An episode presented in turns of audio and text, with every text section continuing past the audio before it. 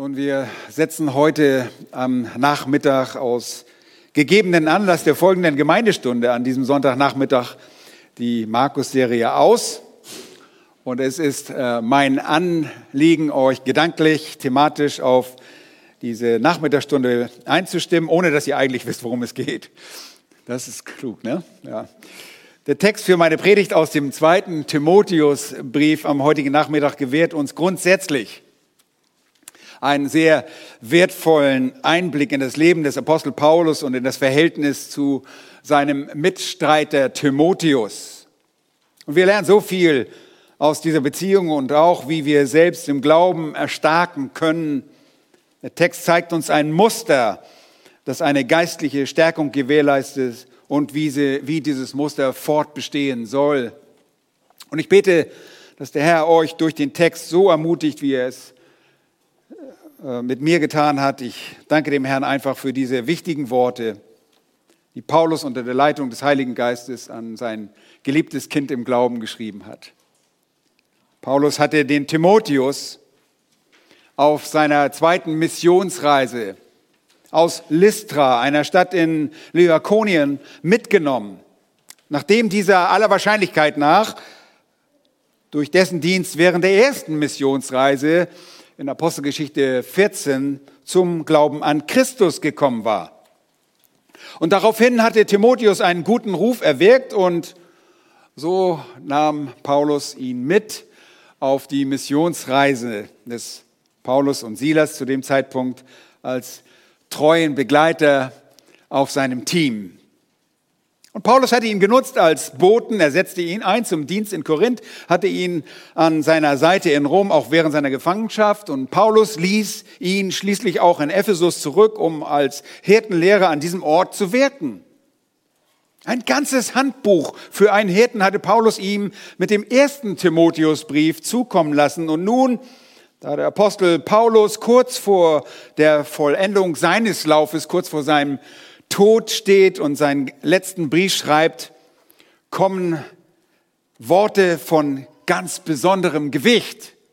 Nur die letzten Worte großer Männer finden sogar das Interesse der Welt, aber hier stammen sie von einem großen Mann Gottes, der das auserwählte Werkzeug des Herrn zur Evangelisation der Heiden war, der im Begriff ist, den Staffelstab an seinen Nachfolger Timotheus abzugeben. Und nach Timotheus verlangt er nun sein Herz. Paulus hatte ein aufrichtiges Sehnsucht nach Timotheus. Auch während seiner zweiten Gefangenschaft wollte er ihn in Rom haben. Andere Männer aus der Gegend in Asia hatten sich von Paulus bereits abgewandt. Unter ihnen war Phygellus und Hermogenes. Demas hatte die jetzige Weltzeit liebgewonnen, sagte Paulus. Und nur Lukas war noch während der zweiten Gefangenschaft bei Paulus in Rom. Paulus wünschte das baldige Kommen des Timotheus und beauftragte diesen sogar, einen gut bekannten Mann, einen äh, uns sehr vertrauten mitzubringen, Johannes Markus, der sich nach seiner Trennung auf der ersten Missionsreise vom Missionsteam jetzt wieder rehabilitiert hatte. Aber lasst uns zum Text kommen. Nun, eines ist vielleicht noch von Interesse für euch. Timotheus hatte die Neigung, sich zu fürchten. Und wir sehen in diesem Zusammenhang auch, ähm, in diesem Zusammenhang der Furcht auch Hinweise in den Briefen, bei denen der Apostel sein geliebtes Kind im Glauben immer wieder ermutigt und auch schützt. Äh, Paulus schreibt zum Beispiel an die Korinther, ähm, wenn aber Timotheus kommt, so seht zu, dass er ohne Furcht bei euch sein kann, denn er arbeitet im Werk des Herrn wie auch ich. Und im, zwei, im ersten Kapitel des zweiten Timotheus schreibt Paulus, Vers 6, an Timotheus, erinnere dich daran, die Gnadengabe Gottes wieder anzufachen, die durch Auflegung meiner Hände in dir ist. Denn Gott hat uns nicht einen Geist der Furchtsamkeit gegeben, sondern der Kraft und der Liebe und der Zucht. Nun, es ist äh, wirklich eine Menge, die von einem Diener und Streiter, wörtlich einem Soldaten des Herrn erwartet wird. Und so habe ich den Text aus 2. Timotheus, Kapitel 2, die Verse 1 bis 7, betitelt, was der Dienst dem Streiter des Herrn abverlangt, was der Dienst dem Streiter oder dem Soldaten des Herrn abverlangt. Und ich lese den Text. Da heißt es, du nun, mein Kind, sei stark in der Gnade, die in Christus Jesus ist. Und was du von mir gehört hast vor vielen Zeugen, das vertraue treuen Menschen an, die fähig sein werden, auch andere zu lehren. Du nun erdulde die Widrigkeiten als ein guter Streiter Jesu Christi. Wer Kriegsdienst tut, verstrickt sich nicht in Geschäfte des Lebensunterhalts, damit er dem gefällt, der ihn in Dienst gestellt hat. Und wenn sich auch jemand an Wettkämpfen beteiligt, so empfängt er doch nicht den Siegeskranz, wenn er nicht nach den Regeln kämpft. Der Ackersmann, der sich mit der Arbeit müht, hat den ersten Anspruch auf die Früchte. Bedenke die Dinge, die ich sage, und der Herr gebe dir in allem Verständnis. Soweit der Text. Was der Dienst dem Streiter des Herrn abverlangt. Ich fasse es zusammen, was es ist. Er muss sich erinnern lassen, er muss sich ermahnen lassen, und ihr müsst es noch nicht jetzt mitschreiben, ihr könnt es gleich noch mitschreiben, und er muss sich ernsthaft seiner Berufung ergeben. Also diese drei Dinge. Wenn ich diesen Text auslege, dann sind auch die Lektionen in einem hohen Maße für uns alle von Bedeutung. Denn nicht nur der Hirtenlehrer, sondern auch das Kind Gottes, so wie du es bist, wenn du den Herrn kennst, ist, bist ein Streiter, ein Soldat des Herrn im Dienst für ihn. Und deshalb könnten wir auch sagen, was der Dienst für Jesus dir abverlangt. Erstens, musst du dich erinnern lassen. Die Erinnerung. Der erste Punkt. Erstens, der erste Unterpunkt. Er, das ist der Streiter, wird erinnert, auf seine Lehrer zu achten. Er wird erinnert, auf seine Lehrer zu achten. Vers 1 heißt es, du nun mein Kind sei stark in der Gnade, die in Christus Jesus ist. Vers 7. Bedenke die Dinge, die ich sage. Nun, der Diener des Herrn muss sich immer daran erinnern, von wem er gelernt hat. Und die Anrede des Timotheus, du nun mein Kind, ist eine indirekte Erinnerung daran, dass es zwar geistliche Gleichheit im Dienst des einen und alleinigen Gottes gibt, aber dass der reife Lehrer trotz dieser Ebenbürtigkeit von seinem Kind im Glauben den Respekt verdient hat. Respekt erweist sich durch das vorsichtige Hinhören. Der Respekterweisende erinnert sich an die Zeit vergangener Abhängigkeit, die bei und zwischen geistlichen Dienern nie ganz verloren geht. Und Paulus weiß, dass sein Sohn im Glauben ihm diesen Tribut zollen wird. Timotheus, so schreibt Paulus in Kapitel 1, Vers 2, war sogar sein geliebtes Kind. Und ich sagte schon, wahrscheinlich ist er durch diesen Dienst zu Christus gekommen. Und als solches geliebtes Kind behandelt Paulus Timotheus. Es gibt ihm, er gibt ihm mit diesem Brief letzte ermahnende und aufbauende Worte, die zum Nachsinnen motivieren. Dinge, die auch seiner Furcht entgegenwirken. Paulus kennt den Timotheus sehr gut. Und er befiehlt ihm deshalb auch in Vers 7 über die Dinge, die er sagt, nachzusinnen. Bedenke die Dinge, die ich sage. Timotheus ist nicht ein Mann, der einfach nur ein paar Dinge aufschnappt und dann irgendwie seine eigene Agenda verfolgt, darauf lauert, seinen eigenen Blog zu schreiben, damit er populär wird. Er ist nicht so wie viele junge Männer heute, die einfach nur einmal schnell gehört werden wollen, die sich dann in das Rampenlicht schieben wollen und den alten Herrn Paulus in die Rentnerliga abschieben oder in den alten Borchmann. oh nein! Paulus wird bei Timotheus in angemessener Art und Weise durch dessen Befolgen geehrt. Denn Paulus folgte nachweislich immer und konsequent dem Herrn und ist durch nichts zurückgeschreckt. Dieser Paulus wollte nicht, dass irgendjemand ihn anbetete, auch nicht Timotheus, sondern die Verweise des Paulus waren immer auf den Herrn gerichtet. Und so auch Vers 7. Vers 7 muss man in ganzer Länge lesen. Bedenke die Dinge, die ich dir sage, und der Herr gebe dir in allem Verständnis. Paulus redete vom Herrn, deshalb konnte er das sagen. Die Dinge, die ich rede, denke über diese Dinge nach. Schaut genau hin. Und unser zweiter Unterpunkt, was im Dienst von einem Streiter des Herrn abverlangt wird, ist, er wird erinnert, auf göttliche Weisheit zu bauen. Er wird erinnert, auf göttliche Weisheit zu bauen. Da heißt es in Vers 7, und der Herr gebe dir im allen Verständnis. Wie schon vorhin angedeutet, es geht nicht darum, dass wir uns predigen. Paulus hat nicht sich selbst gepredigt, sondern er hat das Verständnis und den Ratschluss Gottes gepredigt.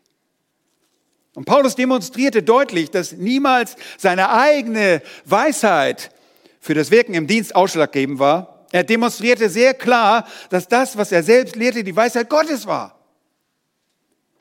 Und er kannte Gott als Urheber aller Weisheit und Einsicht, als Urheber eines klaren und umfänglichen Verständnisses, das aus den Schriften stammt. Das war die Grundlage für diesen Dienst dieses mächtigen und gesegneten Diener Gottes.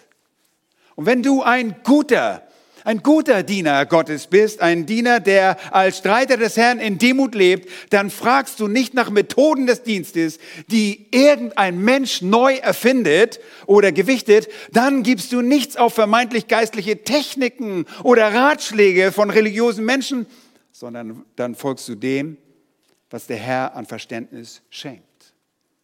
Und du fürchtest dich auch nicht, dass man dich in deinem Dienst übersehen könnte und dass deine Versorgung ein Problem werden könnte. Nun, du denkst, das ist doch logisch, das ist doch ganz klar. Nein, leider ist Unverständnis für Gottes Pläne allzu gewöhnlich geworden. Wir sehen das in unserer Christenheit und damit meine ich da das heutige, den heutigen Evangelikalismus. Wir finden immer wieder, dass Sichtweisen verdreht werden, dass Menschen mit neuen Strategien, mit Leitbildern daherkommen, weil sie denken, dass sie darin den Schlüssel zur Veränderung und zum Erreichen der Menschen in der Hand haben. Diese Sichtweisen und unbiblischen Leitbilder sind manchmal offenkundige Lästerung und andere Male kommen sie der Wahrheit verführerisch nahe. Sie sind aber dennoch nicht Gottes Absicht. Timotheus sollte eines wissen, und das war auch gleich das Gebet des Apostels, dass das Verständnis, hier Sunesis, die Einsicht für alle Belange im Dienst und im Leben allein vom Herrn stammt. Der Herr wird dir alles Verständnis geben. Nur solche vom Herrn stammenden Dinge gab Paulus auch weiter und deshalb sollte Timotheus auf seinen geistlichen Rat hören. Und wer darauf hört, wird auch gestärkt. Und dafür war Erinnerung notwendig. Denn diese beiden Männer hatten viel miteinander erlebt und es wurde viel gesprochen und gelehrt, mehr als dass dieser Brief vor dem Abscheiden des Apostels es fassen konnte. Und mit dieser sanften Erinnerung kommt auch gleich eine gewichtige Ermahnung. Also, wir haben gesehen, ein Streiter, was wird von ihm abverlangt? Er muss sich zum einen erinnern, erinnern lassen, sich erinnern lassen und zweitens, er muss sich ermahnen lassen. Zweitens die Ermahnung. Die Sprache des Apostels ist hier sehr bestimmt. Seine Worte sind ermutigend, aber gleichzeitig auch ermahnend, forsch. Timotheus hatte diese Ermahnung offenbar nötig. Denn wie schon anfänglich sagte, hatte er die Tendenz zur Furchtsamkeit. Und das ist vielen von uns nicht fremd, diese Furchtsamkeit. Und Timotheus wusste genau, was dieser Dienst alles beinhaltete, was auf der Waagschale lag, was es kostete. in diesen Dienst einzutreten. Nun, er war nun selbst schon ein Mann mit einiger Erfahrung, wenn auch wesentlich jünger als Apostel Paulus, aber er war überhaupt kein Grünschnabel mehr. Und von seinem Vorbild Paulus hatte er viel gelernt und beobachtet, denn für geraume Zeit waren sie gemeinsam unterwegs. Und in seiner Gegenwart, wie ich sagte, verbrachte Timotheus auch Zeit während der ersten Gefangenschaft in Rom. Hier ist nun der Beginn der klug formulierten Ermahnung. Eine Mahnung, die, die breit genug gefasst ist, uns allen, die wir im Dienst des Herrn stehen, zu erreichen, als Streiter, als Soldaten des Herrn Jesus Christus. Was ist es, was der Dienst dem Streiter des Herrn abverlangt? Er soll als Angeworbene des Oberbefehlshabers erstarken. Das ist der erste Punkt. Das ist eine Ermahnung. Er soll als Angeworbener des Oberbefehlshabers erstarken. Schaut euch mal die Verse an. In Vers 1, die zweite Hälfte dort, sei stark in der Gnade, die in Christus Jesus ist. Wisst ihr, wer der Oberbefehlshaber der Armeen ist? Natürlich wisst ihr das, Jesus Christus.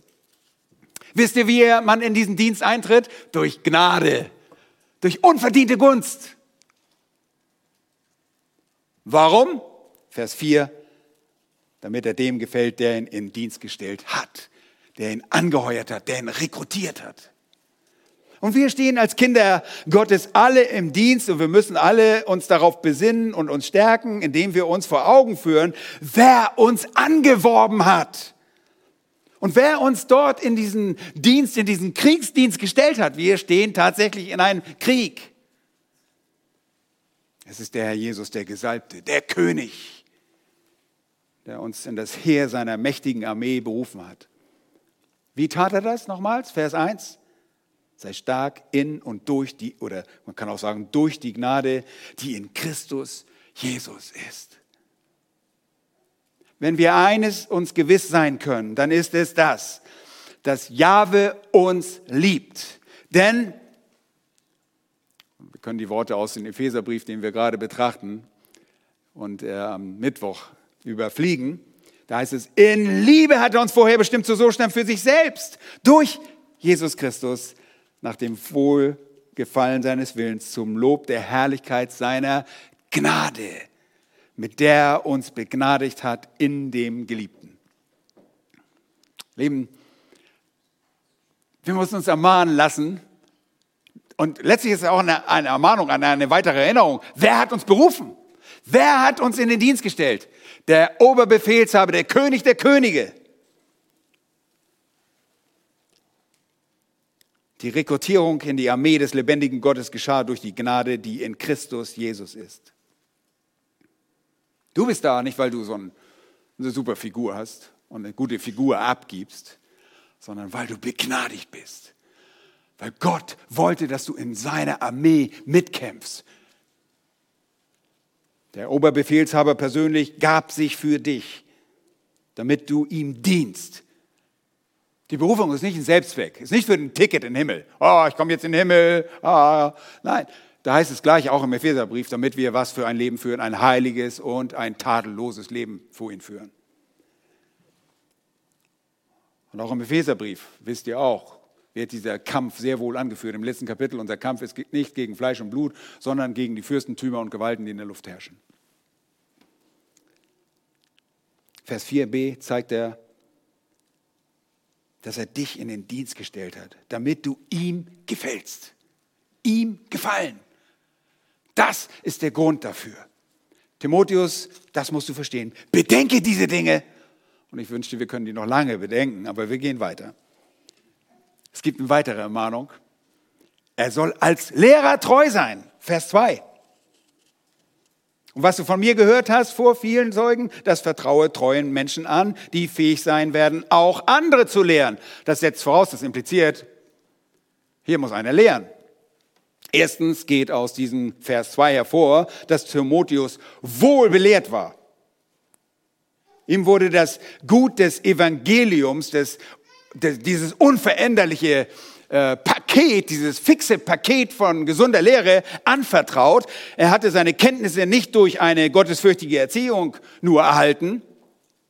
Er hatte nicht nur durch seine Großmutter Lois und seine Mutter Eunike äh, eine Prägung, einen Stempel. Das war sicherlich eine wunderbare Auf, äh, Grundlage. Er hörte und lernte die Lehre von Christus bei seinem großen Lehrer, dem Apostel Paulus. Und wie ich sagte, kam er sicherlich durch dessen Dienst zum Glauben an Christus. Aber es war die Gnade des Christus, die ihn in diese Armee des lebendigen Gottes hinzufügte. Und sie galt diesem Timotheus. Und das wusste Paulus und so nahm er diesen jungen Mann mit. Und er kam in die Lebensschule dieses von Jesus gesandten, begnadeten Mannes. Der Timotheus kam in seine Lebensschule.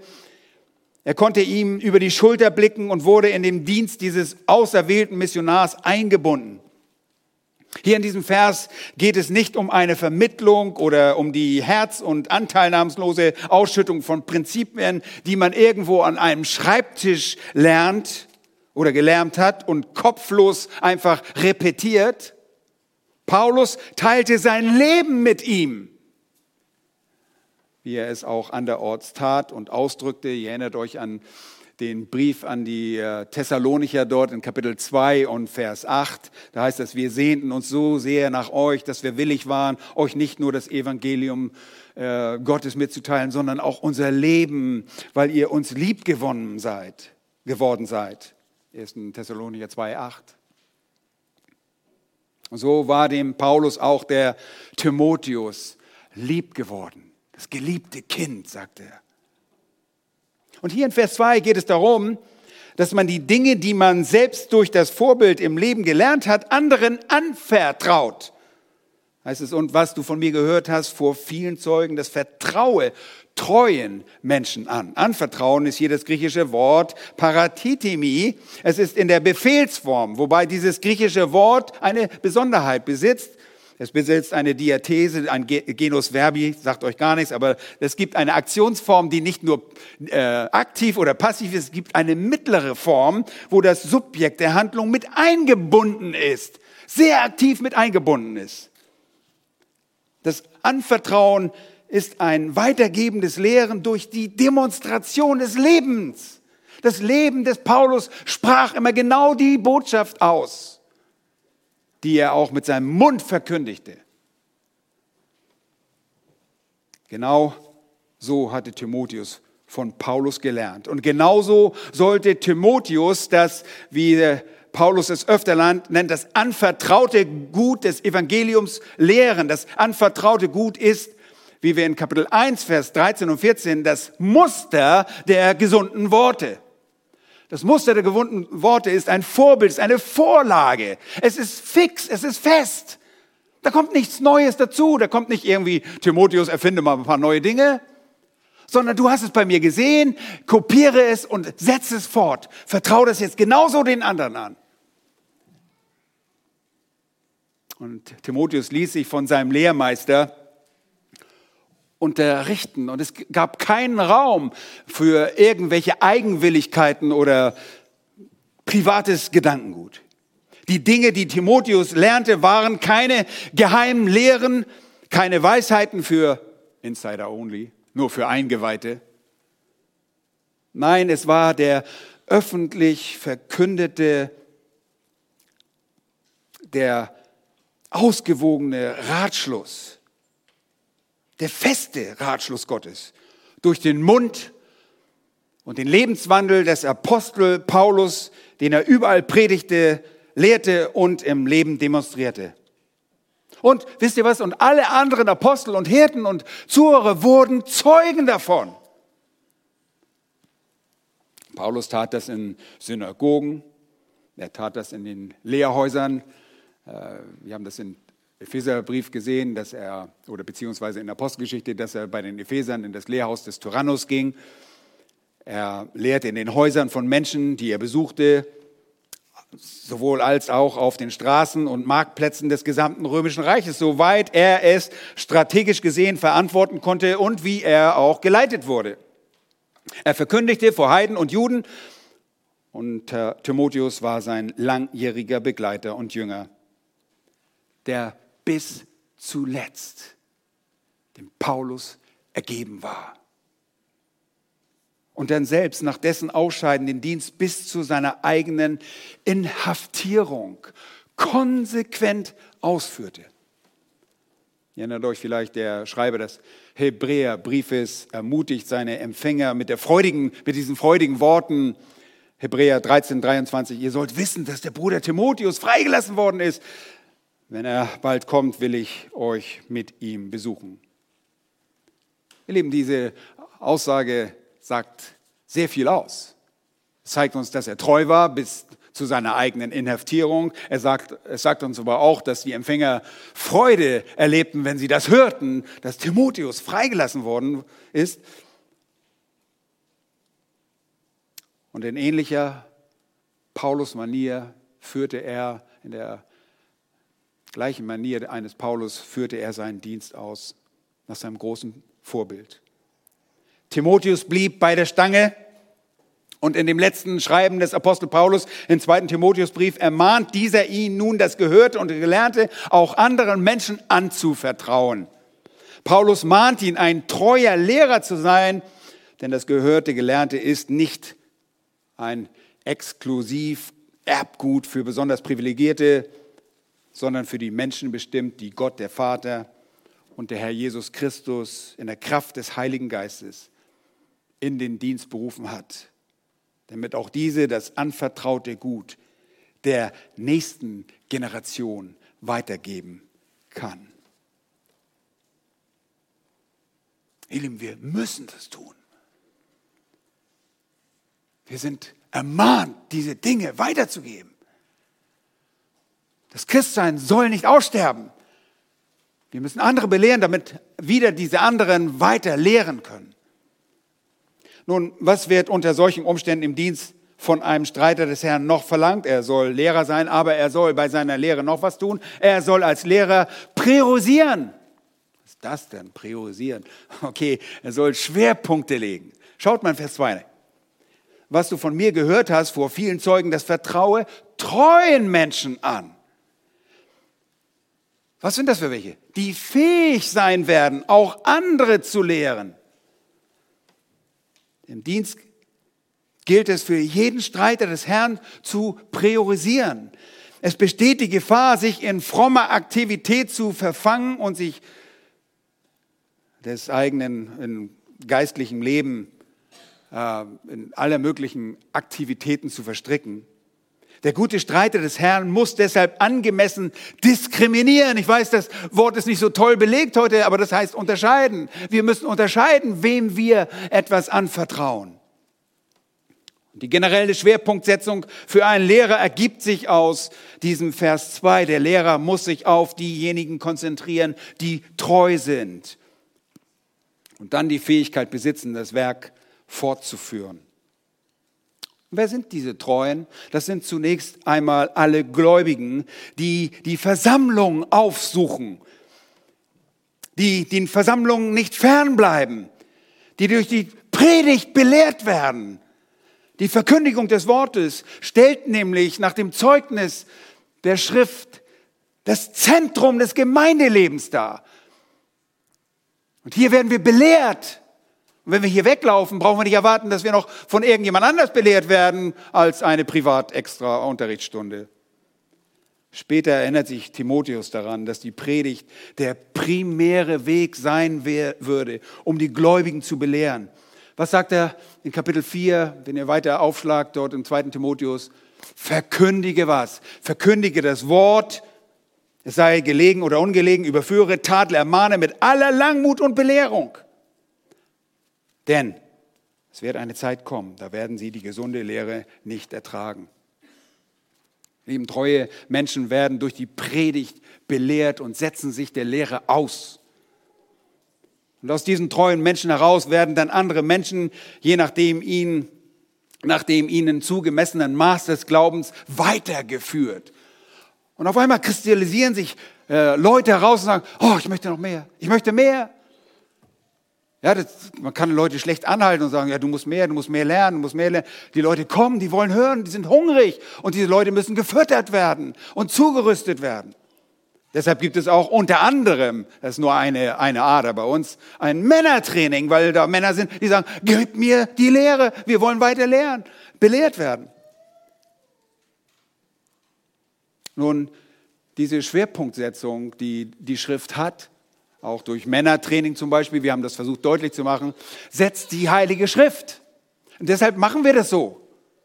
Ja, wenn wenn, wenn äh, der Herr gesagt hätte, le, äh, bildet erstmal alle Ingenieure aus. Nur die Ingenieure, alle anderen wollen wir nicht haben. Da hätten wir das gemacht. Aber das sagt Gott nicht.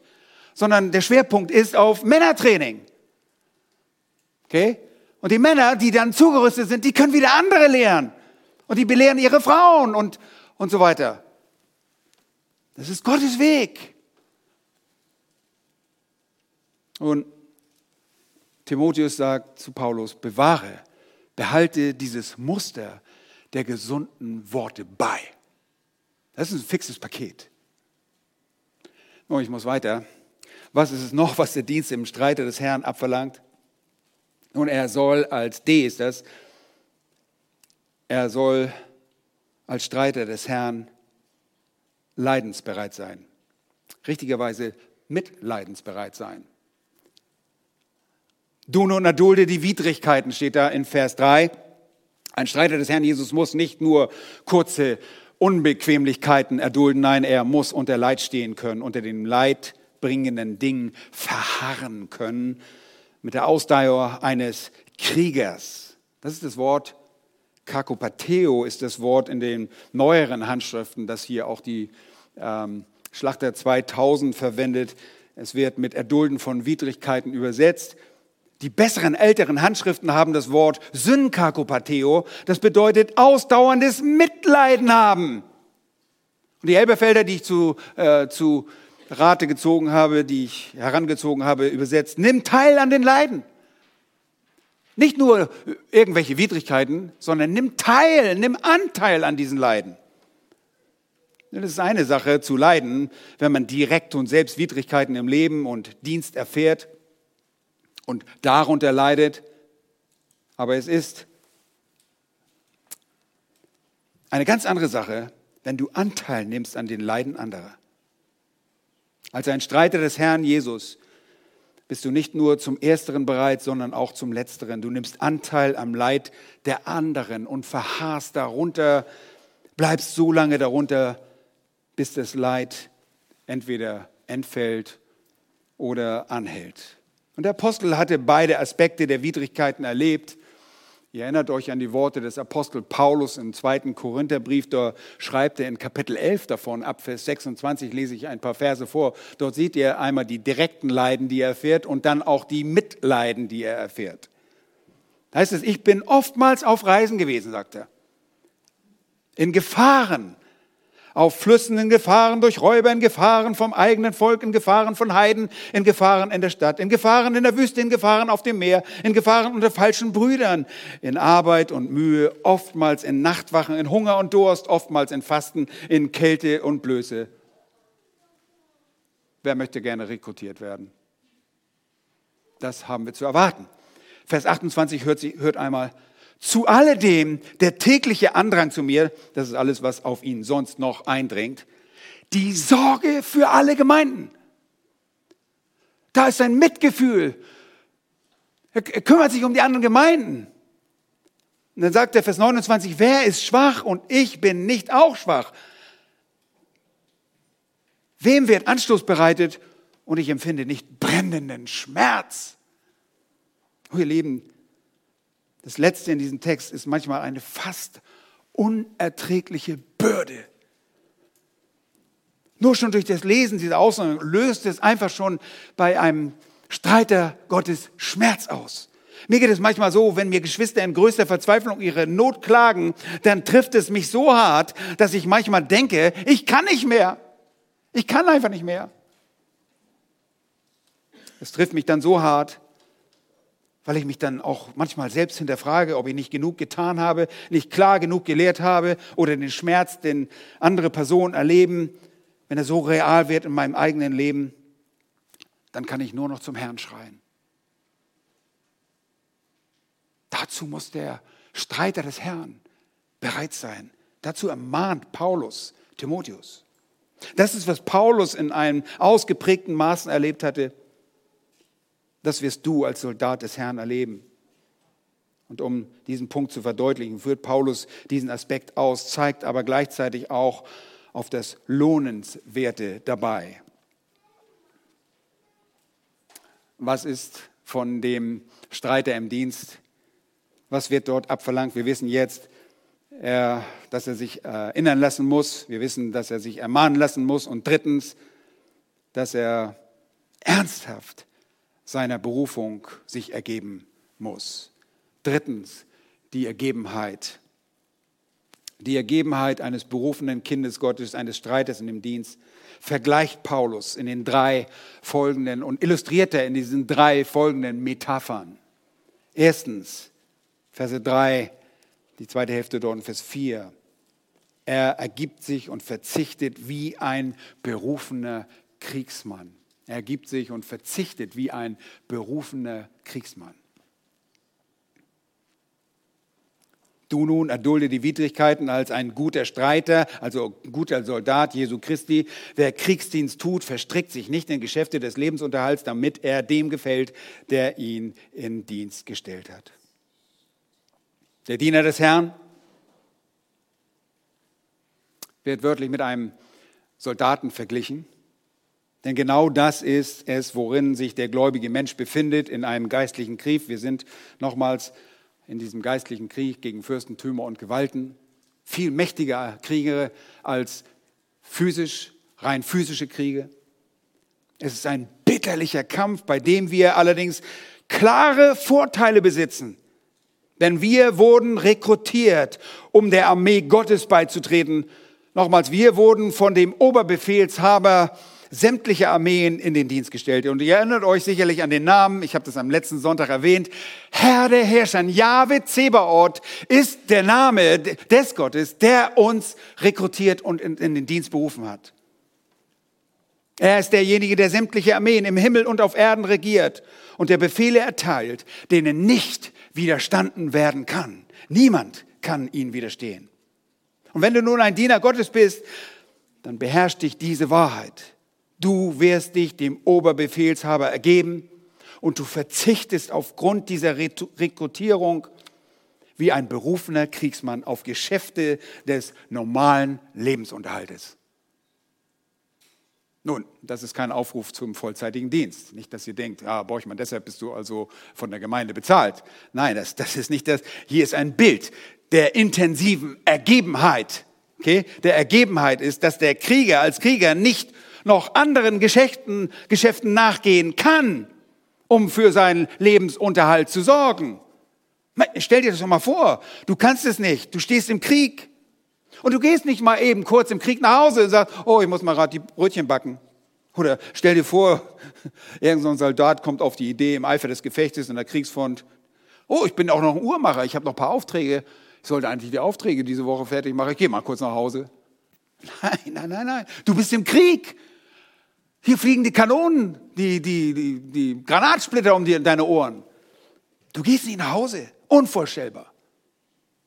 Und so ist es für dich als guter Diener des Herrn, der du im geistlichen Kampf involviert und dem Herrn ergeben bist. Du nimmst keine Auszeit und wendest nicht dich von dem Auftraggeber deines Dienens, deines Streites zu.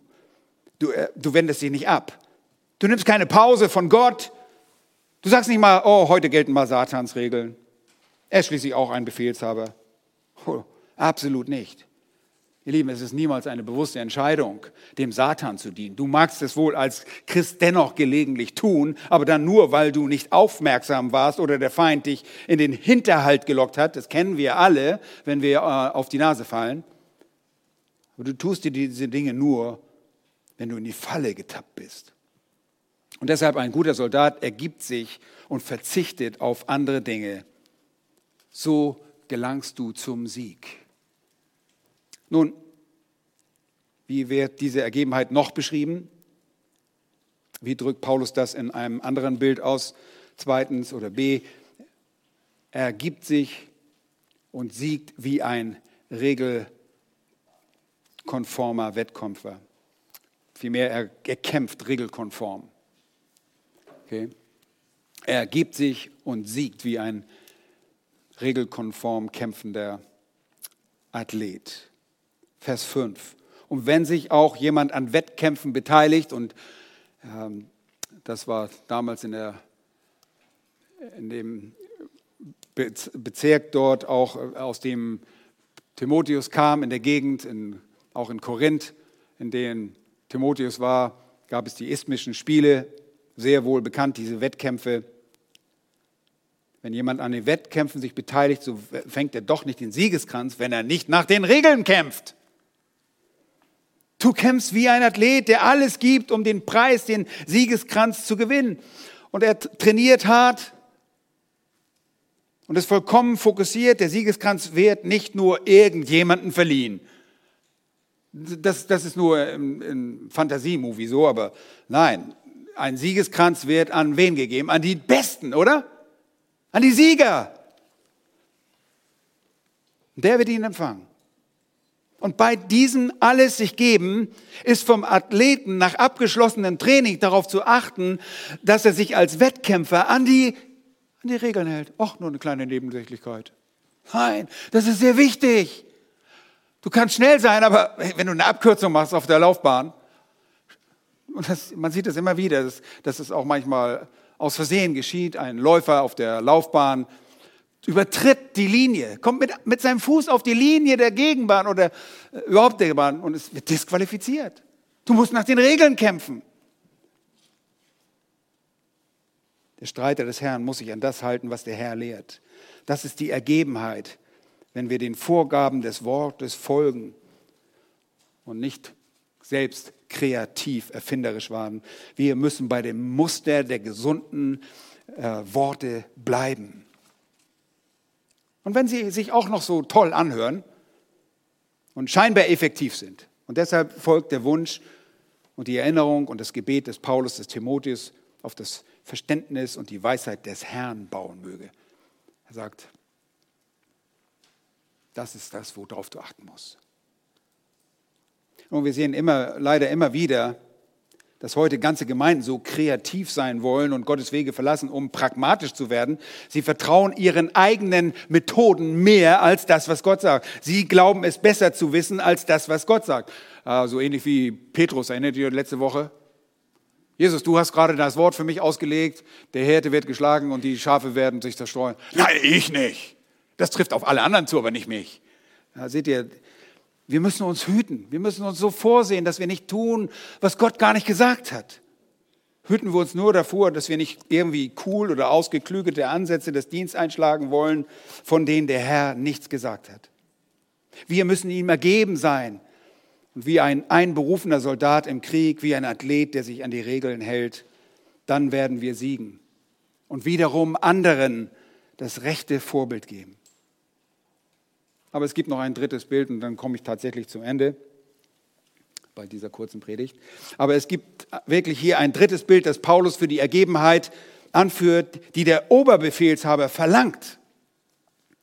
Der Streiter des Herrn, er ergibt sich und genießt wie ein fleißiger Landwirt.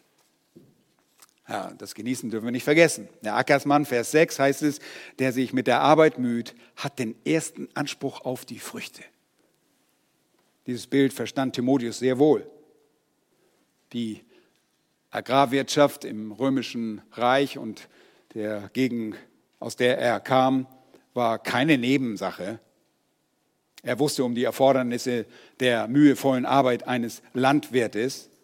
Das sind nur City-Slicker, die irgendwie glauben, man könnte äh, als Bauer irgendwo Früchte abpflücken und mal eben kurz ernten. Oh, eigentlich ist Bauer kein schlechter Beruf. Ne?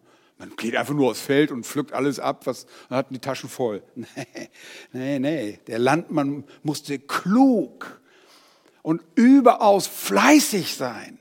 Im rechten Moment, zur rechten Jahreszeit, unter den rechten klimatischen Bedingungen musste der Acker für die Saat vorbereitet werden. Ja, da ist noch nicht mal was mit Sehen im Hut. Der vorbereitete Acker musste dann die rechte und die gesunde Saat, die richtige Saat bekommen. Sonst geht das nicht auf. Ihr Lieben, äh, schrecklich. Leute nennen Sachen Evangelisation, was gar keine Evangelisation ist und wir wundern sich, warum das nicht aufgeht. Wir müssen das Wort Gottes verkündigen, so wie Gott es gesagt hat, dann geht die Saat auch auf. Aber dann musste die, kam eine Zeit des Schützens und je nach Anbau kam eine Zeit auch der Pflege. Es gab eine Zeit des sich Geduldens. Aber das bedeutete für den Bauer in der Regel nicht, er konnte sich irgendwo in die Ecke setzen und Däumchen drehen, sondern das verlagerte sich in andere Bereiche seiner Wirtschaft. Und dann musste der rechte Zeitpunkt zur Ernte gewählt werden. Oh, seht ihr, so ist der Dienst. Und das wird von einem Streiter des Herrn abverlangt. Er muss sich mühevoll der Arbeit widmen. Wie schön ist es, dass Paulus auch hier, wie zuvor beim implizierten Sieg, beim rechten Kämpfen in der Arena, den Anspruch des Ackermann auf die ersten Früchte ins Auge fasst. Timotheus, fürchte dich doch nicht. Der Herr wird für dich sorgen. Er wird für dich sorgen. Er wird dem ergebenen Lehrer, Soldaten, Athleten und Landmann segnen. Der Ackersmann wird von seiner Mühe die ersten und besten Früchte in Anspruch nehmen dürfen. Er erntet, was der Herr aufgrund einer ergeben, seiner ergebenen Arbeit hat wachsen lassen. Ihr Lieben, wie schön ist es, für einen jeden Diener zu erleben, wenn Menschen zum Glauben kommen. Das sind schöne Nachrichten, die wir heute äh, gehört haben. Das, es gibt nichts Schöneres. Das ist das, was wir verfolgen. Dass Gott Frucht schenkt. Wie schön ist es, wenn sich jahrelanger Einsatz und Ergebenheit in die Verkündigung des Wortes durch errettete Seelen auszahlt oder solche, die aus Verstrickung und Versklavung der Sünde herausreden und auf einmal klar sehen können und sagen, oh, ich weiß jetzt, was die Schrift sagt. Oder irgendeiner anderen Lehre entkommen ist. Wie kostbar ist es zu erleben, wenn Menschen die Befreiung aus diesen falschen aus äh, Lehren und Philosophien heraustreten können und sie aufatmen, das mitzuerleben. wenn Frucht da ist. Und selbst wenn das nicht sofort offenbar wird und es auch nicht alles so geschieht, wie wir uns das erhoffen, so weißt du um die Kenntnis deines Oberbefehlshabers, der den Gemeinden in Kleinasien ausrichtet. Interessanter Kehrreim. Ich kenne deine Werke. Ich kenne deine Werke. Timotheus, denke niemals, dass du ungerecht behandelt wirst, dass Gott nicht weiß, was du tust. Ich kenne deine Werke. Gott ist nicht ungerecht, dass er euer Werk und die Bemühung in der Liebe vergesse, die ihr für seinen Namen bewiesen habt, indem ihr den Heiligen dientet und noch dient, sagte der Schreiber des Hebräerbriefes, Kapitel 6, Vers 10. Lieben, aus diesem Grund ermutige ich euch alle, dass ihr euch erinnern lasst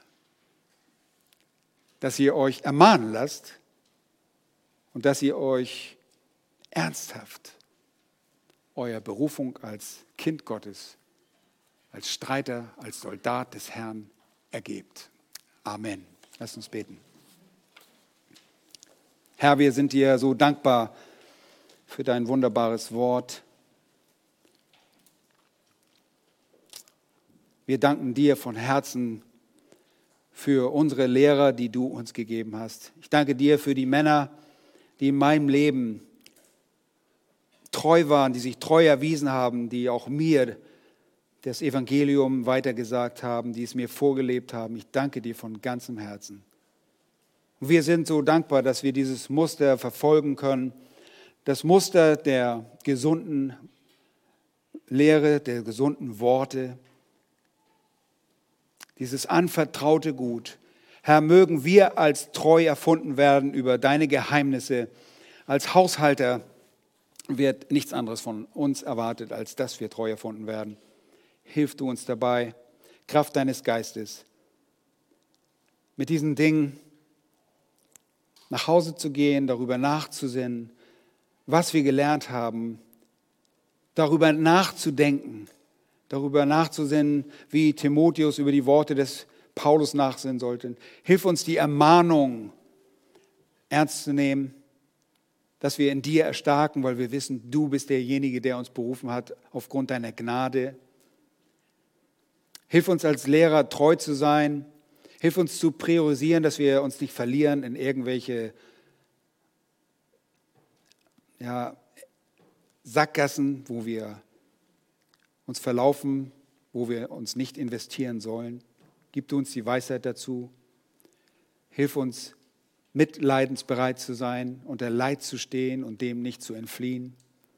Hilf uns auch, wirklich ergeben zu sein wie ein Krieger.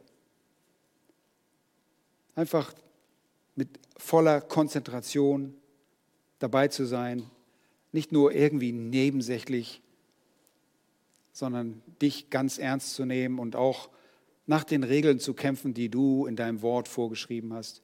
Hilf uns, wie ein fleißiger Landwirt zu sein, auf das auch wir genießen dürfen, wenn du Gnade schenkst. Wir loben und preisen dich für die Frucht, die heute noch entsteht, weil du der unveränderliche, gnädige Rettergott bist.